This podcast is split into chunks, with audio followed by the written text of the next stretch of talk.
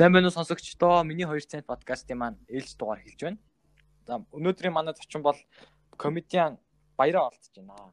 За сайн байна уу Баяраа хаа урилгыг маань үлээн авч оролцож байгаа баярлалаа. За сайн уу. Энэ подкастт урьж оролцуулж байгаад баярлалаа. За баярлалаа. Аа өнөөдөр юу н ямар өдөр байв таны хувьд? Өнөөдөр завгүй гоё өдөр байлаа. Ажлуудаа зохицууллаа. Тэгээд нэг ажил маань бас гоё нугларлаа. Ажил нуглар гэж ярьдаг бэ амар ингээд их өсөө ажил ингээд яг багасаад зохицуулалтаар ирэхээр шууд ингээд багасаад болдорно гэж ярьдаг. Өнөөдөр гоё ажиллаа нугалсан гоё өдөр байлаа. Аа. За хоёлаа шууд асуулт руугаа орох удаа тий. За тэгээ. За. Таныг бол манай үзэгчд маань, сонсогчд маань энэ тэндээс яг хаасаагүй харж исэн баг тий. Комеди дээр, цирк дээрээс, кинон дээрээс, реклам дээрээс За сүүлдээ бүр нөгөө мобигийн оператороос хүртэл бүр сонсож байсан. Тэгээ би бас нэлээд юм орхиол ин штэ тий.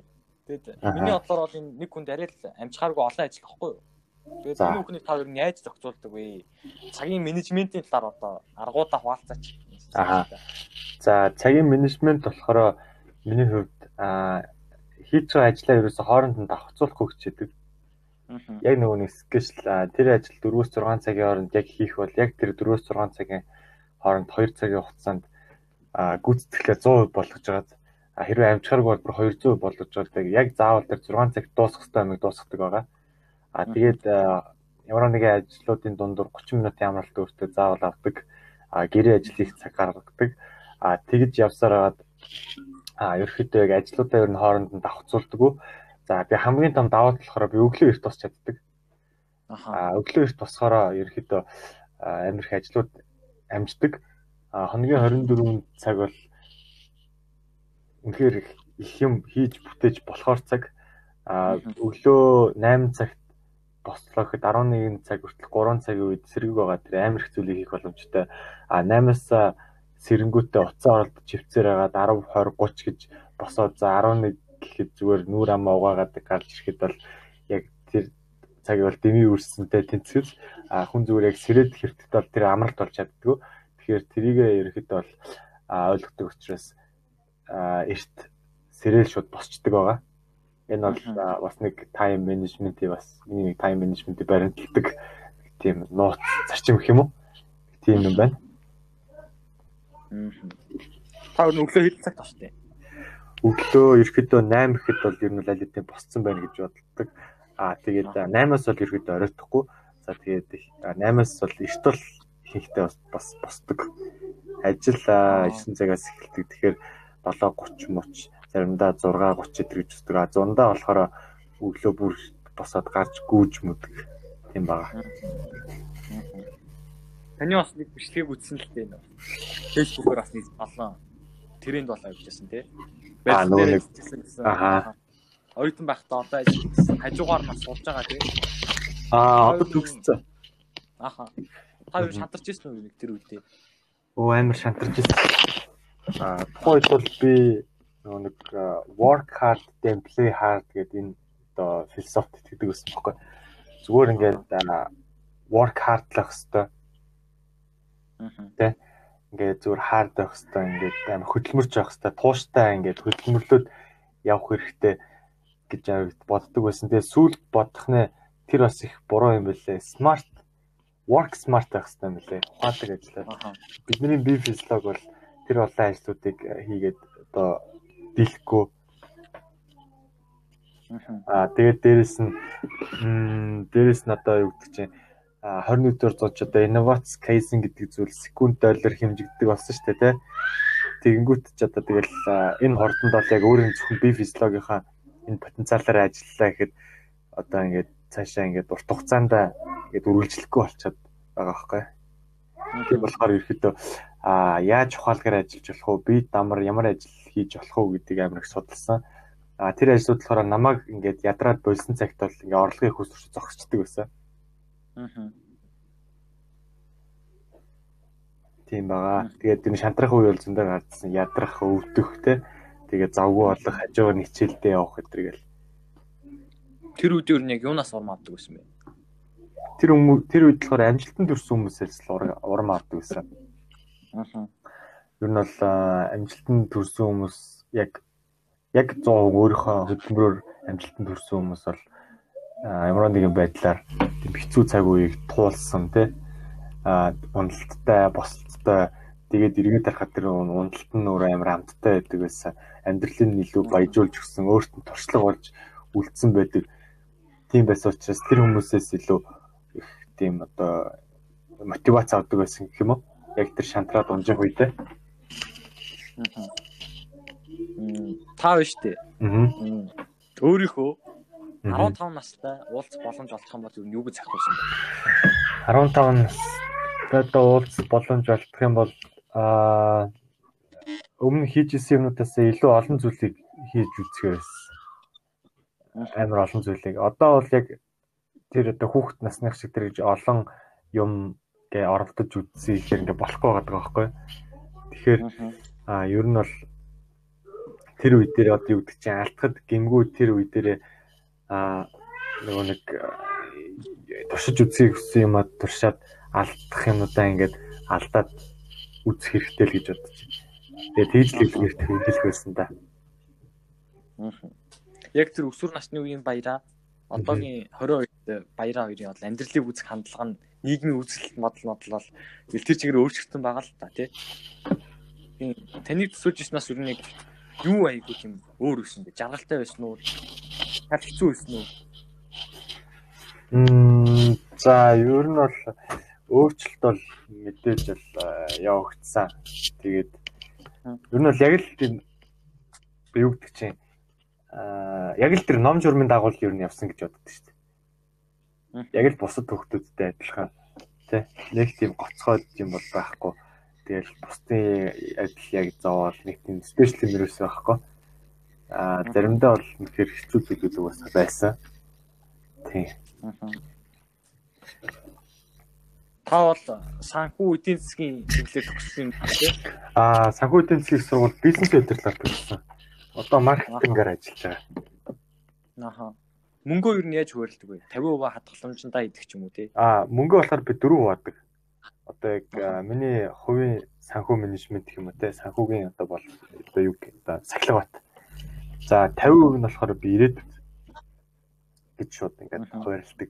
За 20% нь болохоор би боловсралд за тэгээд 15% нь болохоор нэг өдөр тутамдаа за тэгээд үлцэн 15% дуртай зүйлтэй гэж яг хоримтлуулдаг байгаа. За тэр нь одоо яг яадаг вэ гэхээр өөрийнхөө мөнгийг яг зөв зөвхөстэй зарцуулахад илүү их бас нэг зарцуулалтаа хянахад илүү их төхөн болдог. Жишээлбэл би сая төрний цалинтай байлаа гэхэд дуртай зүйлээ ингээд би утас авах байж болно шүү дээ. За би 12 iPhone 12 Pro Max авлаа гэж бодоход би шууд тэр сая төгрөгөөр авна гэсэн үг биш. За мэдээж 500 мянган ирээдүйд оримтлууллаа. 200 мянган нөгөө нэг боловсралдтай. Тэнгүүтээ 150 мянган өдөр тутмын зардал болонгуудаа нөгөө үлдсэн 150 мянган дөрвөн тэр iPhone 12 авах мөнгө болж байгаа байхгүй. Тэнгүүт би бодохоохгүй. За би яг одоо iPhone авахд миний яг өмнө хоримтлуулсан энэ 15% яг нийлээд хүрж гин үү? Хүрхгүй бол би а хөр хүртлээ зөвхөнтэй 15% хүртэн явна гэсэн үг. Аа. Тий. Ийм зарчмыг өөртөө баримталдаг. За тэгээ тэр болтол а эн чинь бас нэг жоо хүлээлт үүсгэж байгаа шүү дээ хүлээгээд. Аха. А тэнгуүтээ хүлээнгүүтээ тэр нас өөр их нэг давуу талтай яагаад тэгэхээр тухайн үед бол яг шин загвар гарч яхад үн нь бол амар өндөр байдаг. А дээрээс нь сэтгэл хөдлөлөөр юмыг худалдаж авах гэдэг. За тэгээд дараа нь тэрнийхээ үнд хүрэхэд нөгөө нэг миний хоримтлал үүссэн байлаа гэж бодсон шүү дээ, тэ. 4 сая төгрөнд 150 мянга чинь цугласаар 4 сая төгрөнд очлоо гэхэд а нөгөө нэг iPhone 12 чинь нэг сонин харагдхаа болж мөлдөг ч юм уу. А тэгээд тухайн үед сэтгэл хөдлөлөөрөө авчаагүй дээ ингээ дараа нь өөртөө баярлах тийм үед зөндөө байдаг. Тэгэхээр а ийм сахилга батанд санхүүгийн хувьд бол амар энэ чинь хатуу чанга мөрдөх хэвээр. Тэгэхээр сахилга батанд өөрийгөө хүчээр оруулснараа энэ нь өөрт нь урт хугацаанд их үр өгөөчтэй гэж. Аа. За дараагийн асуулт асуух. За. Аа. Та одоо өөрөөсөө хоош үеийн Gen Z Alpha-гийнхан тоо юу гэж захимаар байна? За хүн чанараа бити алдаарай гэж хэлээ. Аа хүн яг ирээдүйд ямар ч амжилтанд хүрч болно ямар ч орлогыг үүсгэхтэй байж болно. ямар ч хөрөнгөтэй байж болно те. А гэхдээ хэдий өндөрт ниссэн ч гэсэн анх яг хаана хинтээ мөлхөж явснаа бити мартаарай. За тэгээд чи баян байлаа гэд чамаас ядуу хүнтэй одоо тэгж муухай харьцаж болохгүй гэдэг ч юм уу те. Одоо юу гэдэг чи зүгээр энгийнээр тайлбарлах юм бол хүн чанараа бити алдаа. А хоёрт үргэлж одоо өссөн дэвжих за тэгээд аав ээжийн ачиг хариулах одоо сайн хүн болж төлөвшөхтэй тийм одоо одоо сэтгэлгээтэй хандлагатай байгаараа тэгээд хөдөлмөрч сэтгэхүйтэй аж ахуй сэтгэхүйтэй байгаараа л гэж одоо захимаар байна. Одоо ерөөсөө ажил голдгоо өдргээд тиймэрхүү. Тийм дадлуудыг л өөртөө суулгаарай. Одоо тэгээд сүүлийн үед нэг зүйл ажиглагдаад байгаа аа янз янзын хүмүүс амар хиймшүүл сэтгэлтэй те одоо ингээд залуучууд ингэх хэвээр тийм зүйл хэл сураад ингээд ингээд хөдөлмөрч байгаад тэргээд а тэгэнгүүт сүүлийн юу ажиглаж чинь гэхээр амар олон залуучууд тэрийг айгүй эсэргүүцдэг болсон байна. Бид нэр ганц амьдрах юм чи өөрөө өвснээрээ амьдарч болох уу? Би заавал мундаг хүн одоо мундаг хүн одоо байхгүй байж болох уу те? Би зүгээр л энгийн нэг хүн баймаар байна гэдэр гэдэг. А залуучууд өөрсдөө жоо унтраагаад байгаа юм санагдаад байдаг. Одоо юу гэдэг чинь угаасаа нөгөө нэг залхуу хүнд хүн яг ажил хийх гэж загнахаар угаасаа уур нүрдэх яг тэрэн шиг а өөрсдөө жоо унтраагаад байдаг. Бид нэр тэр хүмүүс болохоор яг тэр үг нь яг өндөр хөгжилтэй орны хувьд те тэдний ингээд залуучууд бол хэлэхэд бол болж байгаа хгүй нийгмийнх нь одоо байр суурь аа тэгээд одоо нийгмийн соёл одоо үндэсний дархлаа гэдэг л те тэр мөр найлтны тогтцсон. А манайх болохоор өндөр хөгжилтэй орн биш. Одоо буурай хөгжилтэй орн хөгжиж буй орны тоонд ордог. Тийм учраас бид нар тийм сэтгэлгээтэй байх юм бол ерөөсөө манайсаа хөгжил ингээд айгүй удаан болно гэж би юу н хардаг. Тэгэхээр бид нар айгүй тийм өлсгөлэн байх хэрэгтэй.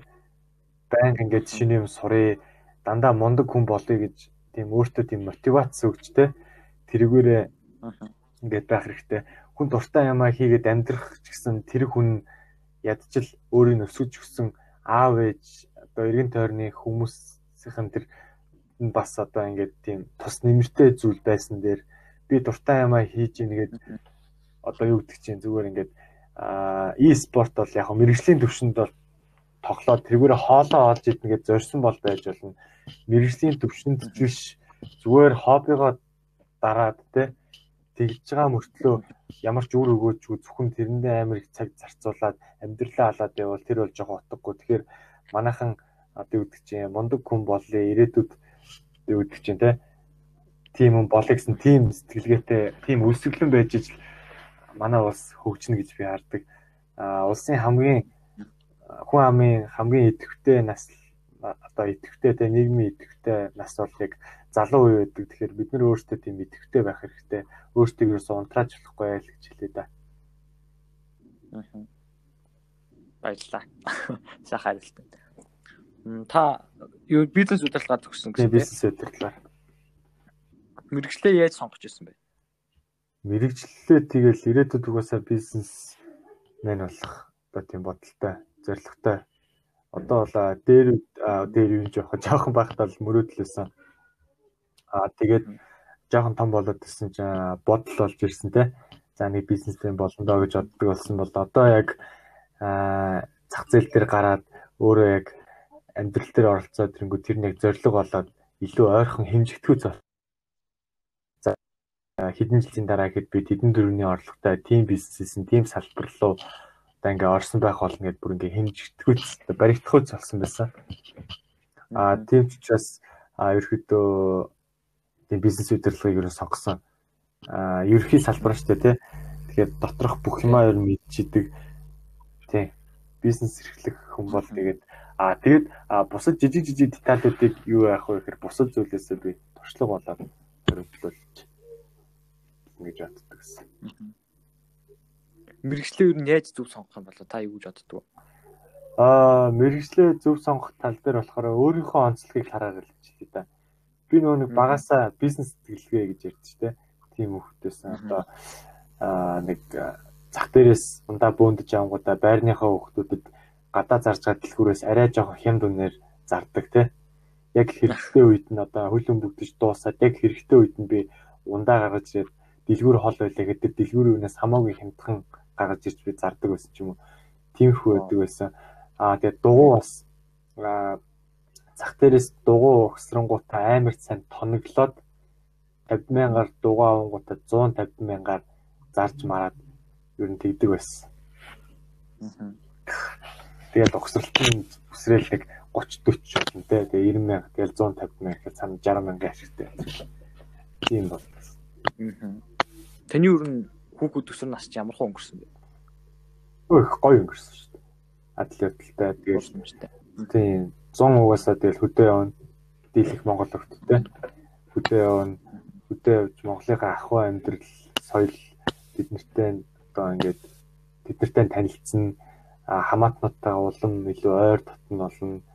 А монголчуудын нүүдлийн нүүдэлчин тэгээ соёл иргэншил ямар үнцэнтэйг ойлгоно. За тэгээд хөдөө явангууд ажил хийж сурна гэх юм уу хариуцлагатай болно. Одоо тэгээд хашир болно. Одоо чирэгж ин гэтэргээл тэгээ яг хөдөө явдаг байсан. Тэгээл ер нь Тэгэл хөдөө яваал хичээлдээ яваал нэг тийм л хөвгтэйсэн дөө. Туслан мослон дээрх явдаг байсан. Сургууль дээр нод байсан уу?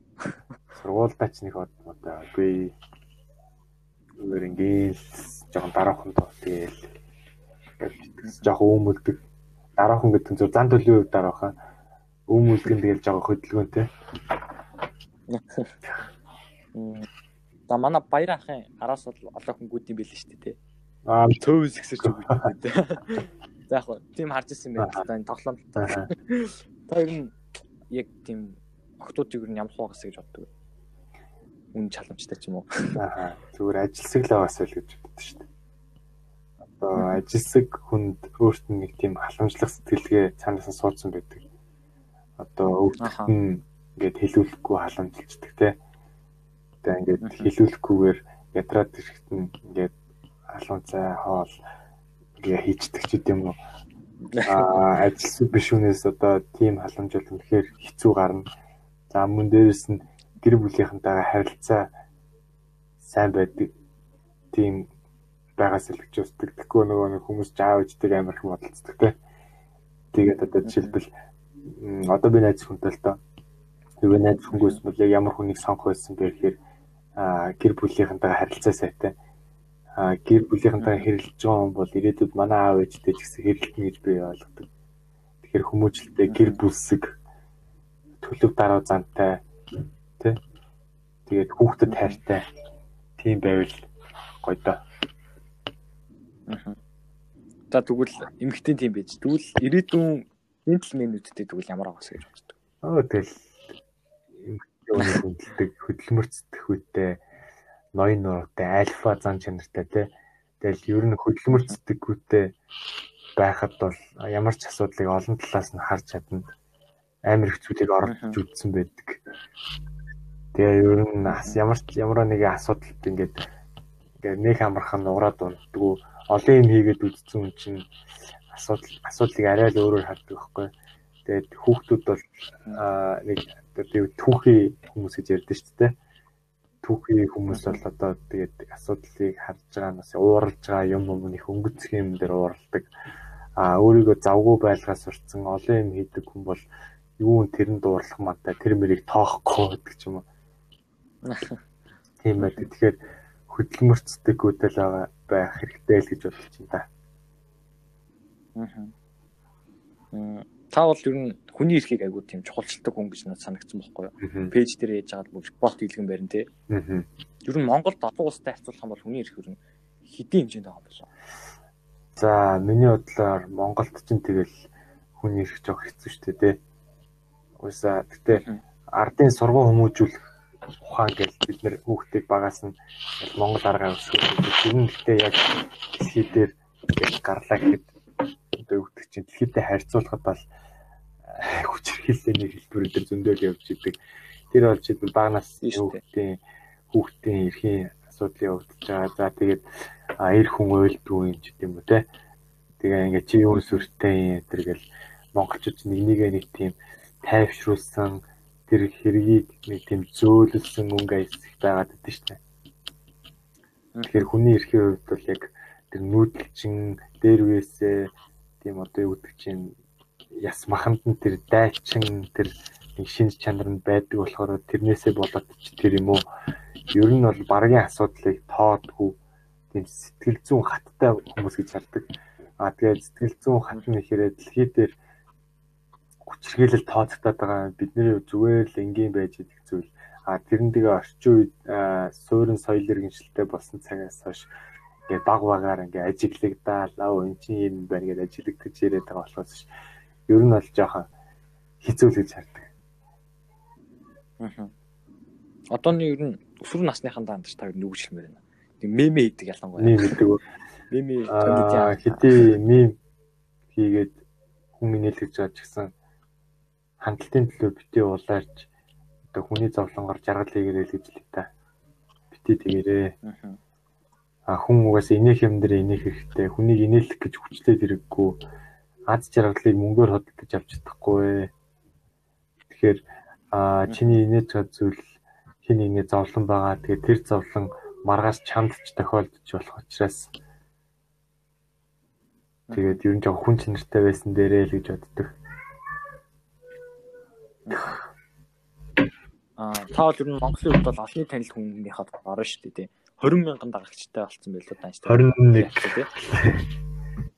Аха.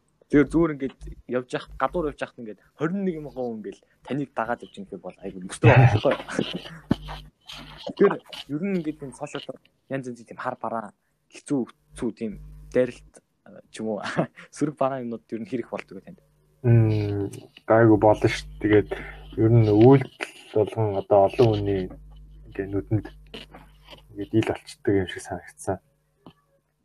Аа өмнө нь зүг зүгээр байсан. Одоо ингээд аа зүг зүгээр байж байгаа л нэг тийм инфлюенсер гэдэг тийм категори руу автоматар шилжээд орсон юм шиг хүмүүс өөрсдөө шилжиж оруулаад юм болгон дээр дуурч дуу хоолойгоо өргөх ёстой юм шиг тэгж албаар одоо тийм хандлагатай болцсон байсан.